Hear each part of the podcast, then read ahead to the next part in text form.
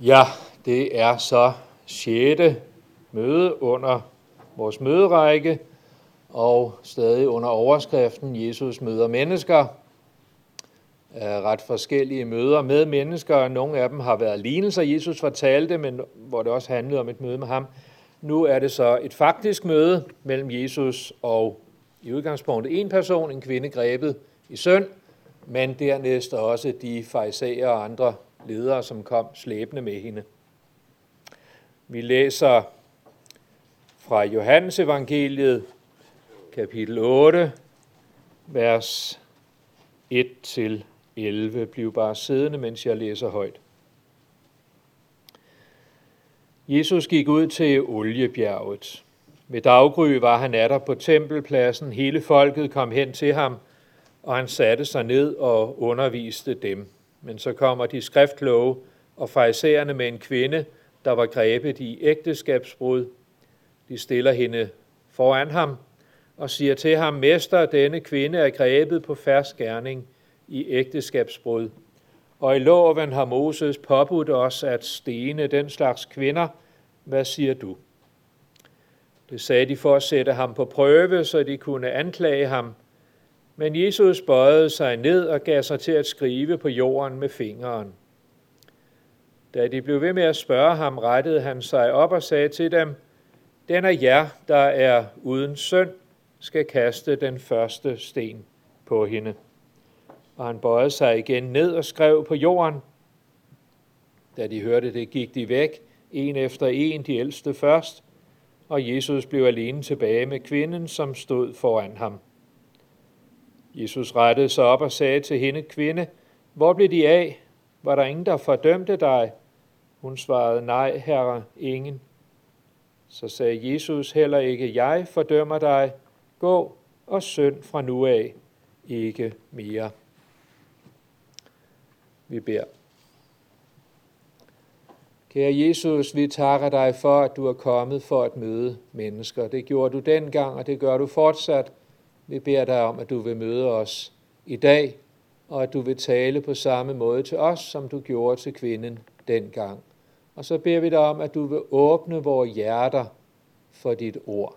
Så det ikke bare bliver et ydre ord, men et indre, en, der, et ord, der binder os til dig og til himlen. Amen.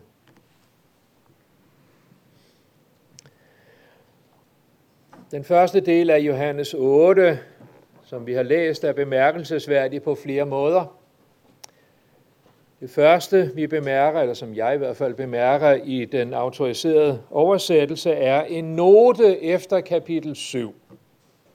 Den fortæller, at beretningen om kvinden grebet i ægteskabsbrud slet ikke findes i de ældste håndskrifter, og at den i de yngre håndskrifter er placeret forskellige steder, både i Johannes evangeliet og i Lukas evangeliet. Så det kan jo nok virke lidt bekymrende på en bibellæser, der ønsker at tage Guds ord alvorligt, som det står. Men så skal vi huske, at bogtrykning først blev opfundet omkring år 1450, i hvert fald trykning med flytbare typer, og at alle bøger før den tid blev skrevet og kopieret i hånden. Vi har mange tusinde håndskrifter til det nye testamente fra før 1450, men originalerne har vi ikke.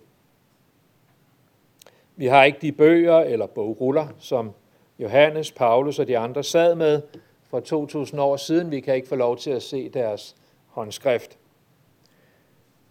Men selvom vi har så mange tusinde håndskrifter, er der alligevel tale om en bemærkelsesværdig overensstemmelse mellem dem.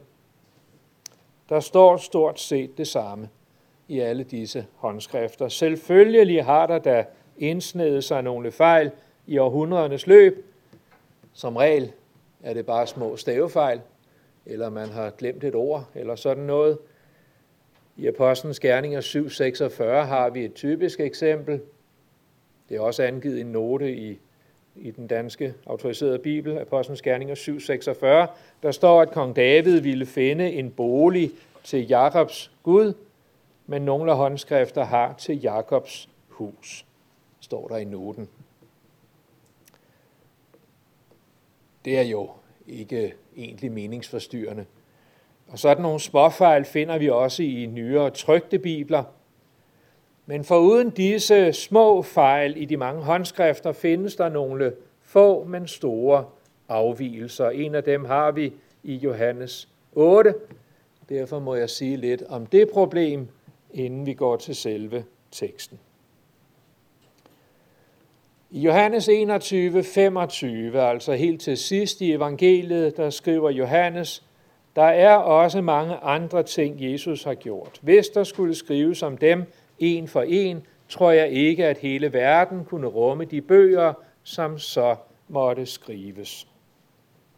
Altså, dengang Johannes skrev sit evangelium, måtte han vælge noget fra. Jesus havde jo sagt og gjort så mange ting, at det var umuligt at få det hele med.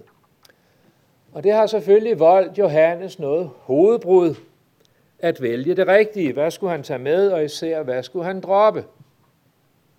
Alt, hvad Jesus sagde og gjorde, var jo vigtigt. Så jeg tænker, at det har skåret Johannes noget i hjertet, at han var nødt til at udelade noget. I det næstsidste kapitel, Johannes 20, vers 30, skriver han, Jesus gjorde også mange andre tegn, som hans disciple så. Det har man der ikke skrevet om i denne bog, men dette er skrevet for, at I skal tro, at Jesus er Kristus, Guds søn, og for at I, når I tror, skal have liv i hans navn. Det var vigtigt for Johannes at få skrevet det her evangelium. Det var vigtigt for ham, at det blev læst. Men hvis han skrev det hele ned, så ville det jo aldrig blive læst. Derfor måtte han desværre udelade nogle af Jesu gerninger og ord. Vi ved ikke, hvem Johannes skrev sit evangelium til oprindeligt, men når han nu havde lagt så stort et arbejde i det, så sørgede han formentlig også for, at det blev kopieret flittigt. Ellers var det jo kun nogle få, der kunne få glæde af det. Vi ved fra antikke kilder, at forfattere dengang ofte sørgede for, at deres bøger og breve blev kopieret. Muligvis skrev Johannes det også selv af nogle gange i årenes løb. Og han har så ved de lejligheder igen måtte overveje, om ikke han kunne tage lidt flere af de dejlige beretninger med. Det var jo ærgerligt, hvis så meget skulle gå i glemmebogen. Johannes var, så vidt vi ved, det øjenvidne, der levede længst. Og han var den eneste af apostlene, igen så vidt vi ved, den eneste af apostlene, der ikke blev martyr, bortset fra Judas Iskariot. Han klarede det ved egen hånd. Men ellers blev de alle sammen martyrer, så vidt vi ved. Undtagen altså Johannes, som blev en gammel mand. Derfor blev han ofte bedt om at genfortælle begivenhederne, når han kom rundt i menighederne. Ved de lejligheder har han så gengivet nogle af de beretninger, som han havde udeladt i det skrevne evangelium. Hvorfor skulle han ikke fortælle de beretninger, når han nu var til stede? Og så kunne han jo mærke på de kristne, at de kunne også godt lide de beretninger. Så næste gang han satte sig for at afskrive sit evangelium, tilføjede han måske nogle ting. Kun nogle få ting, for det skulle ikke være en helt ny bog. Den gamle udgave af hans evangelium var allerede udbredt og kopieret mange gange i Israel, i Ægypten, i Lilleasien. Derfor vil Johannes ikke ændre det hele. Men beretningen om kvinden grebet i ægteskabsbrud, den måtte med. Mange af hans tilhørere havde fået trøst, når de hørte Johannes fortælle om hende, og så skrev han den beretning ind. Jeg håber, I kan høre, at nu gætter jeg. Jeg ved jo ikke, om det var sådan, den kom med. Måske er historien meget mere kompliceret end som så. Men nu har jeg givet et bud på, hvordan det kunne være sket. Og i hvert fald er der ingen grund til at tvivle på, at begivenheden har fundet sted. Det er typisk for Jesus, både med den måde, hvorpå han behandler de skriftlove og en sønder grebet på færdsgærning. Men når nu beretningen formentlig ikke var med i den oprindelige udgave af Johannes evangeliet, kan vi så regne med, at den hører til lige her. Vi så i noten, at nogle håndskrifter placerer den i kapitel 7, andre i kapitel 21, hører den til her i kapitel 8, sammen med de beretninger, vi i øvrigt har i det kapitel. Dertil vil jeg sige to ting. For det første passer beretningen ganske godt til det, som Jesus siger lige før og lige efter. I Johannes 7:24, altså en side tidligere, der siger han, døm ikke efter det ydre, men fæld en retfærdig dom. Det gentager han lige efter, nemlig kapitel 8, vers 15. I dømmer efter det ydre, jeg dømmer ingen. Jesus advarer os mod at dømme efter det, som vi kan se. Og så forklarer han, at han ikke selv er kommet til denne verden for at dømme. Det svarer jo godt til det, der sker i vores beretning. Jesus afviser de skriftkloge som dommere, og selv undlader han at dømme kvinden. Det var det ene argument for, at det passer her. Det andet argument øh, handler om, at det passer meget godt med tidspunktet i Jesu liv. Vi befinder os formentlig lidt mere end en uge før langfredag, hvor Jesus bliver korsfæstet. I de foregående tre år har Jesus for det meste virket oppe nordpå i Galilea, og han har for det meste undgået den direkte konfrontation med de ledende jøder. Ved flere lejligheder har Jesus endda påbudt folk, at de skulle tige stille med det, når de blev helbredt, eller når onde ånder var drevet ud af dem. De måtte ikke røbe, hvem Jesus var. Men nu her, kort før sin død, træder Jesus direkte op mod de ledende jøder, og han gør det inde på selve tempelpladsen i Jerusalem. For nu skal slaget stå. Og det er jo det, vi ser i den her tekst. Vers 1 og 2 fortæller os, at vi befinder os på tempelpladsen. Jesus har overnattet på Oliebjerget, og han er ved daggry gået ind til byen. Netop det, ved vi, gjorde han i en periode umiddelbart før sin korsfæstelse. I dagene op til den sidste påskefejring opholdt Jesus sig om natten enten hos nogle venner i Betania, Matthæus 21, eller på Oliebjerget. Og så om dagen gik han ind og underviste på tempelpladsen. Når han var der, kunne han ikke undgå de skriftlove, farisæerne, de andre ledere. Men nu var det heller ikke længere meningen at undgå dem. Jesus var kommet til jorden for at dø. Og nu var tidspunktet kommet. Det vidste han, og det ville han. Derfor opsøgte han nu selv konfrontationen inde i Jerusalem. Og alligevel er det ikke ham, der provokerer dem i denne tekst. Det er dem, der kommer slæbende med en kvinde for at sætte ham på prøve. De ønsker at finde ud af, at finde noget, som de kunne anklage ham for. Det prøvede de i øvrigt flere gange. En gang var det spørgsmålet om skat til kejseren. De havde besluttet at fange Jesus i ord, læser vi. Det er i Matthæus 22. De ville fange ham i ord, men det var ikke så let. Så spurgte de ham, om man måtte betale skat til kejseren. Hvis han svarede ja, var han en landsforræder. For romerne var jo besættelsesmagt. Hvis han svarede nej, kunne de anklage ham for oprør mod romerne. Så nu havde de ham der. Ja, Jesus svarede lidt kryptisk. Giv kejseren, hvad kejseren er, og Gud, hvad Gud er. Så kunne de tykke på den. Han var ikke så let at fange i ord. Der sker noget lignende her i Johannes 8. Hvis Jesus nu sagde, ja, ja, I skal stene hende, det har Moses jo påbudt jer. 5. Mose 22. Så kunne de igen anklage ham for oprør, for romerne havde forbudt jøderne at henrette nogen. Desuden ville det være lidt vanskeligt at få den dom til at passe med Jesu normale omsorg for de udstødte.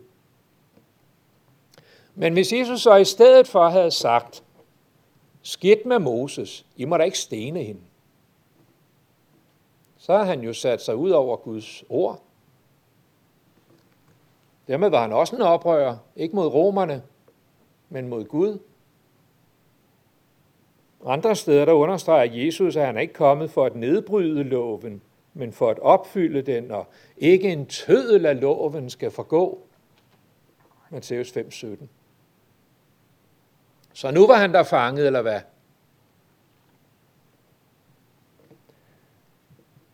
Men endnu en gang viste det sig, at der skulle mere til. Jesus sagde, og nu får I det med mine ord, jamen det der er i orden, sten hende bare.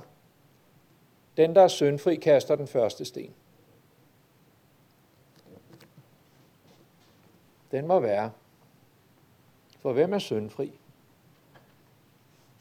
De ældste kiggede på hinanden, og så gik de hjem. Så gik de unge også hjem. Derefter sagde Jesus til kvinden, heller ikke jeg fordømmer dig, gå og synd fra nu af ikke mere.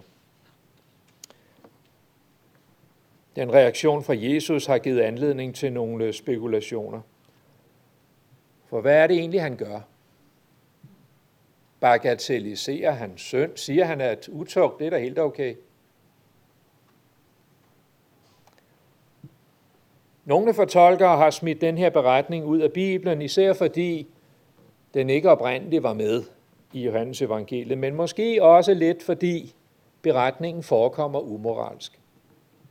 Så det kan jo ikke være noget, Jesus har sagt. Er der grund til den konklusion? Er beretningen umoralsk? Altså hvis Jesus havde sagt, heller ikke jeg fordømmer dig, gå hjem og lev som du plejer. Synd frimodigt. Ja, så havde det været umoralsk. Men det er jo ikke det, han siger. Han undlader bare at afsige dommen, det er det hele.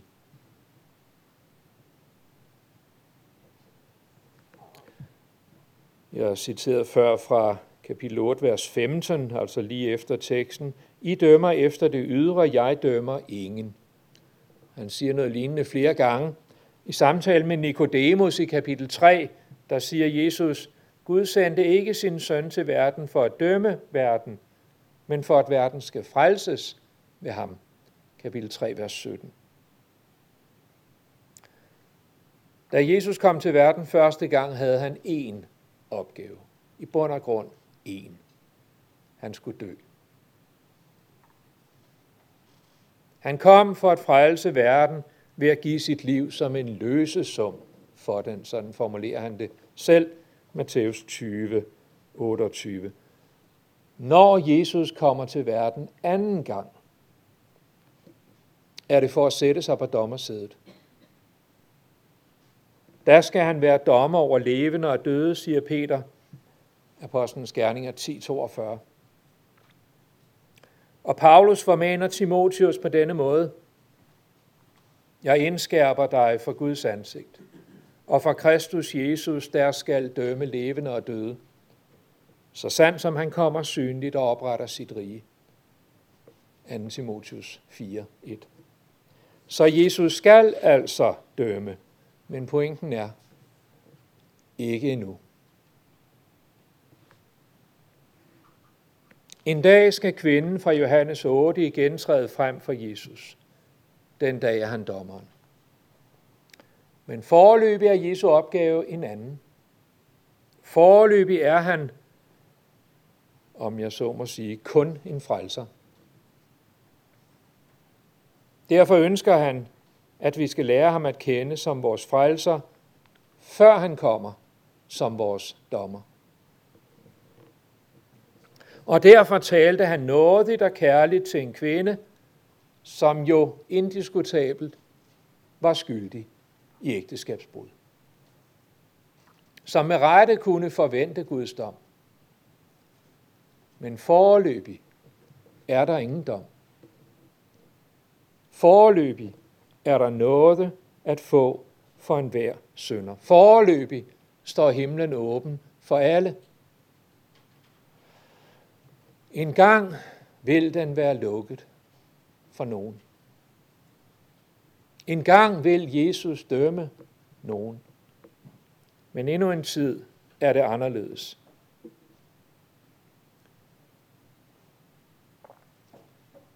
Johannes 8, vers 1-11 viser os, at der er perioder i Guds frelses historie. Vel er der fordømmelser af helvede, men ikke endnu. En gang kommer dommens dag, men den er ikke kommet endnu. Hvis du mener, at du er dømt og forkastet af Gud, så tager du fejl. Definitivt fejl. Du har glemt, at der er perioder i Guds frelseshistorie. Derfor er du ikke dømt endnu. Det skal du høre tage til dig. Det er ikke for sent for dig. Det kan blive for sent, ja, det er sandt. Men det er ikke for sent endnu. Jesus er her i dag, og han vil tale med dig, men ikke fordi han vil dømme dig. Han er her for at frelse dig. Han taler mildt til dig, som han talte til kvinden i Johannes 8. Måske er du dømt af din egen samvittighed, det kan godt være, men du er ikke dømt af Jesus. Det skal du høre og tro. Du er ikke dømt endnu. Der er frelse for dig. Jesus kom for at frelse utugtige mennesker. Jesus kom for at frelse dem med kolde hjerter. Jesus kom for at frelse farisæere, hvis bare de vil give ham ret. Han peger på deres synd. Han peger på vores synd. Og så vil han, at vi skal give ham ret. I så fald tilgiver han os vores synd. Kvinden var en sønder. Ingen diskussion om det. Hun havde begået ægteskabsbrud. Hun var endda blevet grebet på færre skærning. Hun kunne ikke benægte det. Og det var hendes lykke. Så længe Jesus er her for at frelse sønder, er det egentlig ikke noget problem at være en sønder.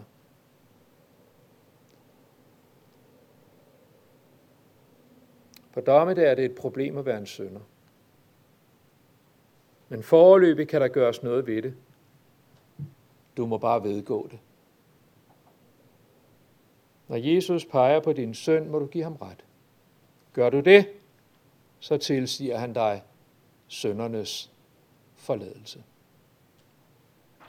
Det var kvindens lykke, at hun blev grebet på færdskærning, for så kunne hun ikke benægte sin søn.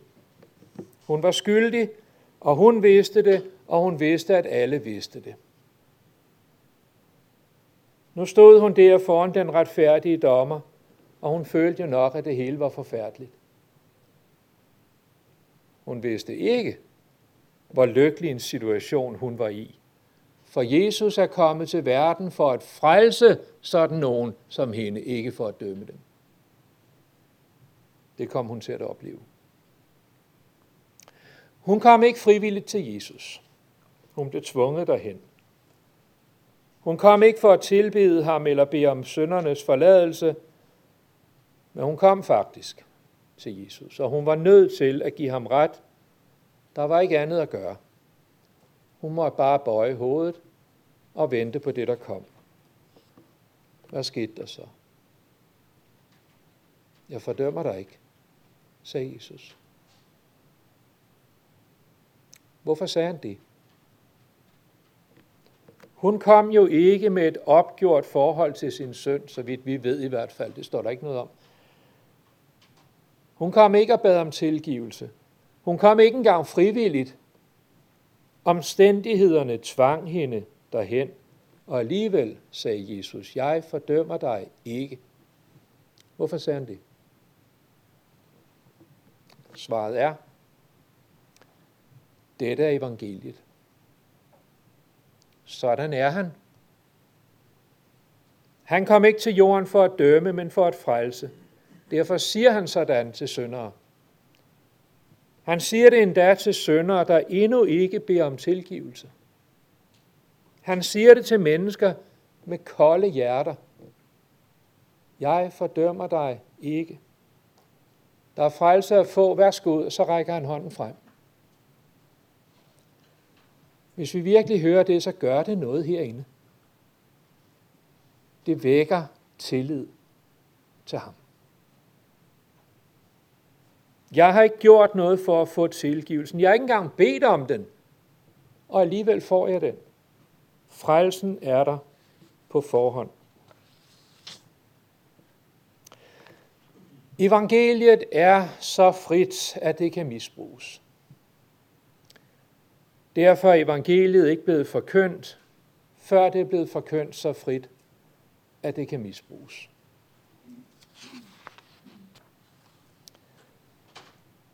Paulus skriver i Romerbrevet kapitel 5 fra vers 6, jeg plukker lidt der. Mens vi endnu var svage, døde Kristus for ugudelige. Gud viser sin kærlighed til os ved, at Kristus døde for os, mens vi endnu var syndere. Mens vi endnu var hans fjender, blev vi forligt med Gud ved, at hans søn døde. Altså, endnu mens vi elskede synden, døde Jesus som vores stedfortræder under Guds vrede og dom. Endnu mens vi lever i synden, siger Jesus til os, jeg døde for dig. Derfor er der ingen fordømmelse for den, der tror på mig. Men når han så har sagt det til os, så tilføjer han, Gå nu bort og hold dig fra synden. Du må ikke slutte fred med den. For der kommer en dag. Der kommer jeg tilbage til jorden som dommer for levende og døde.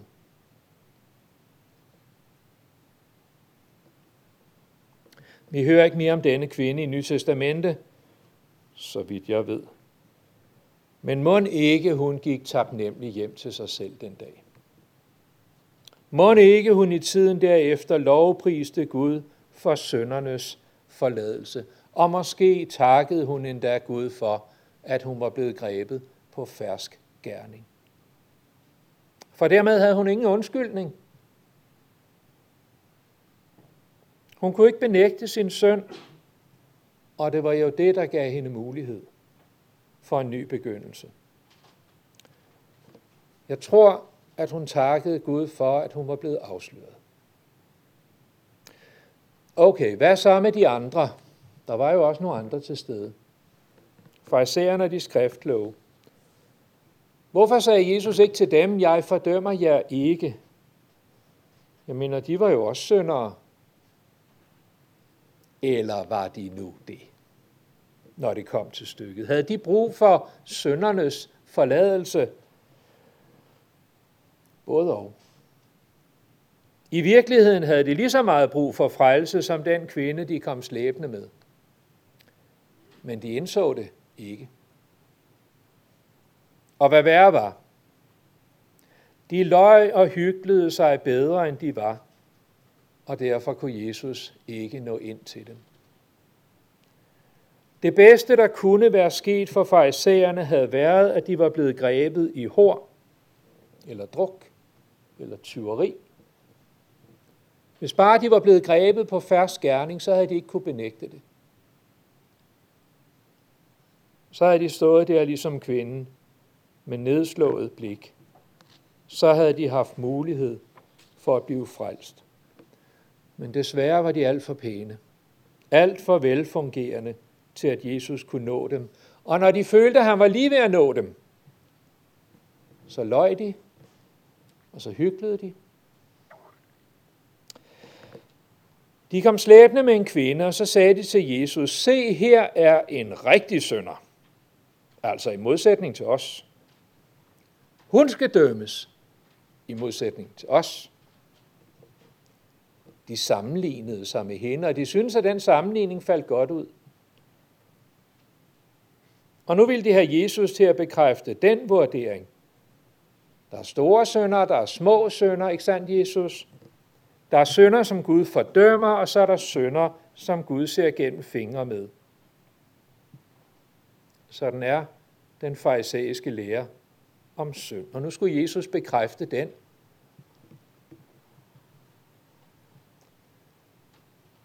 De kom ikke med kvinden af nidkærhed for Guds lov. For hvor var så manden henne? Jeg mener, hun blev grebet på færds gerning, så vidt jeg kan regne ud, må der have været en mand til stede.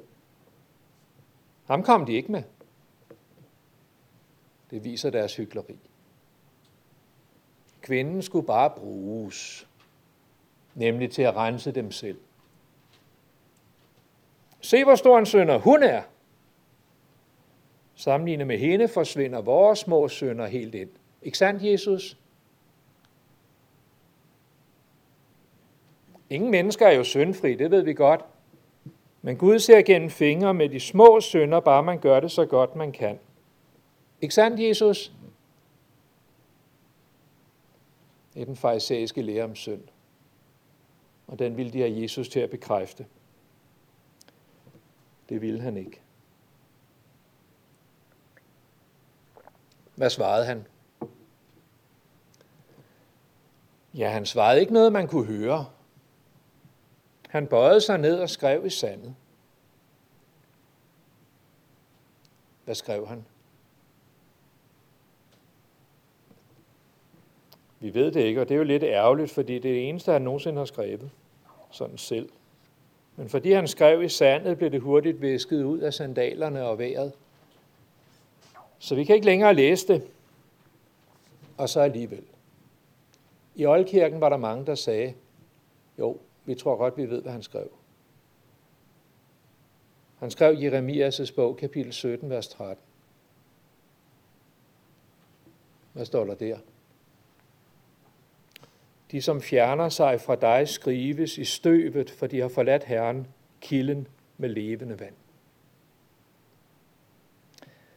Farisæerne havde ikke brug for en frelser, mente de. De kunne klare deres forhold selv, når de skulle møde Gud. Derfor afskrev Jesus dem i sandet. Det var kvindens lykke, at hun var en sønder. For så kunne hun blive frelst. Det var farisæernes ulykke, at de ikke var syndere. Eller i deres egen indbildning var de ikke syndere. De havde i hvert fald ikke grove synder, mente de. Derfor havde de ikke behov for nogen frelser, og så blev de ikke frelst. De havde ikke brug for syndsforladelse, mente de, og derfor fik de ikke ordet om syndernes forladelse. Kvinden havde brug for syndsforladelse, og så fik hun den. Hvis du må erkende for dig selv og for Gud, at du er en sønder, så skal du prise dig lykkelig. For så er søndernes forladelse for dig. Når Jesus peger på din søn, skal du derfor med frimodighed give ham ret. For det første, fordi du ved, at han har ret. For det, for det andet, fordi du ved fra evangeliet, at så løfter han sine hænder mod dig og tilsiger dig alle dine sønders nådige forladelse for hans skyld alene. Han er nemlig ikke kommet til jorden for at dømme dig, men for at frelse dig. Men du skal også vide, at han kommer to gange. Første gang kom han for at blive dømt for din synd. Anden gang kommer han ikke for at blive dømt, men for selv at dømme levende og døde. Derfor må du høre og tage imod søndernes forladelse inden da. Det forudsætter to ting.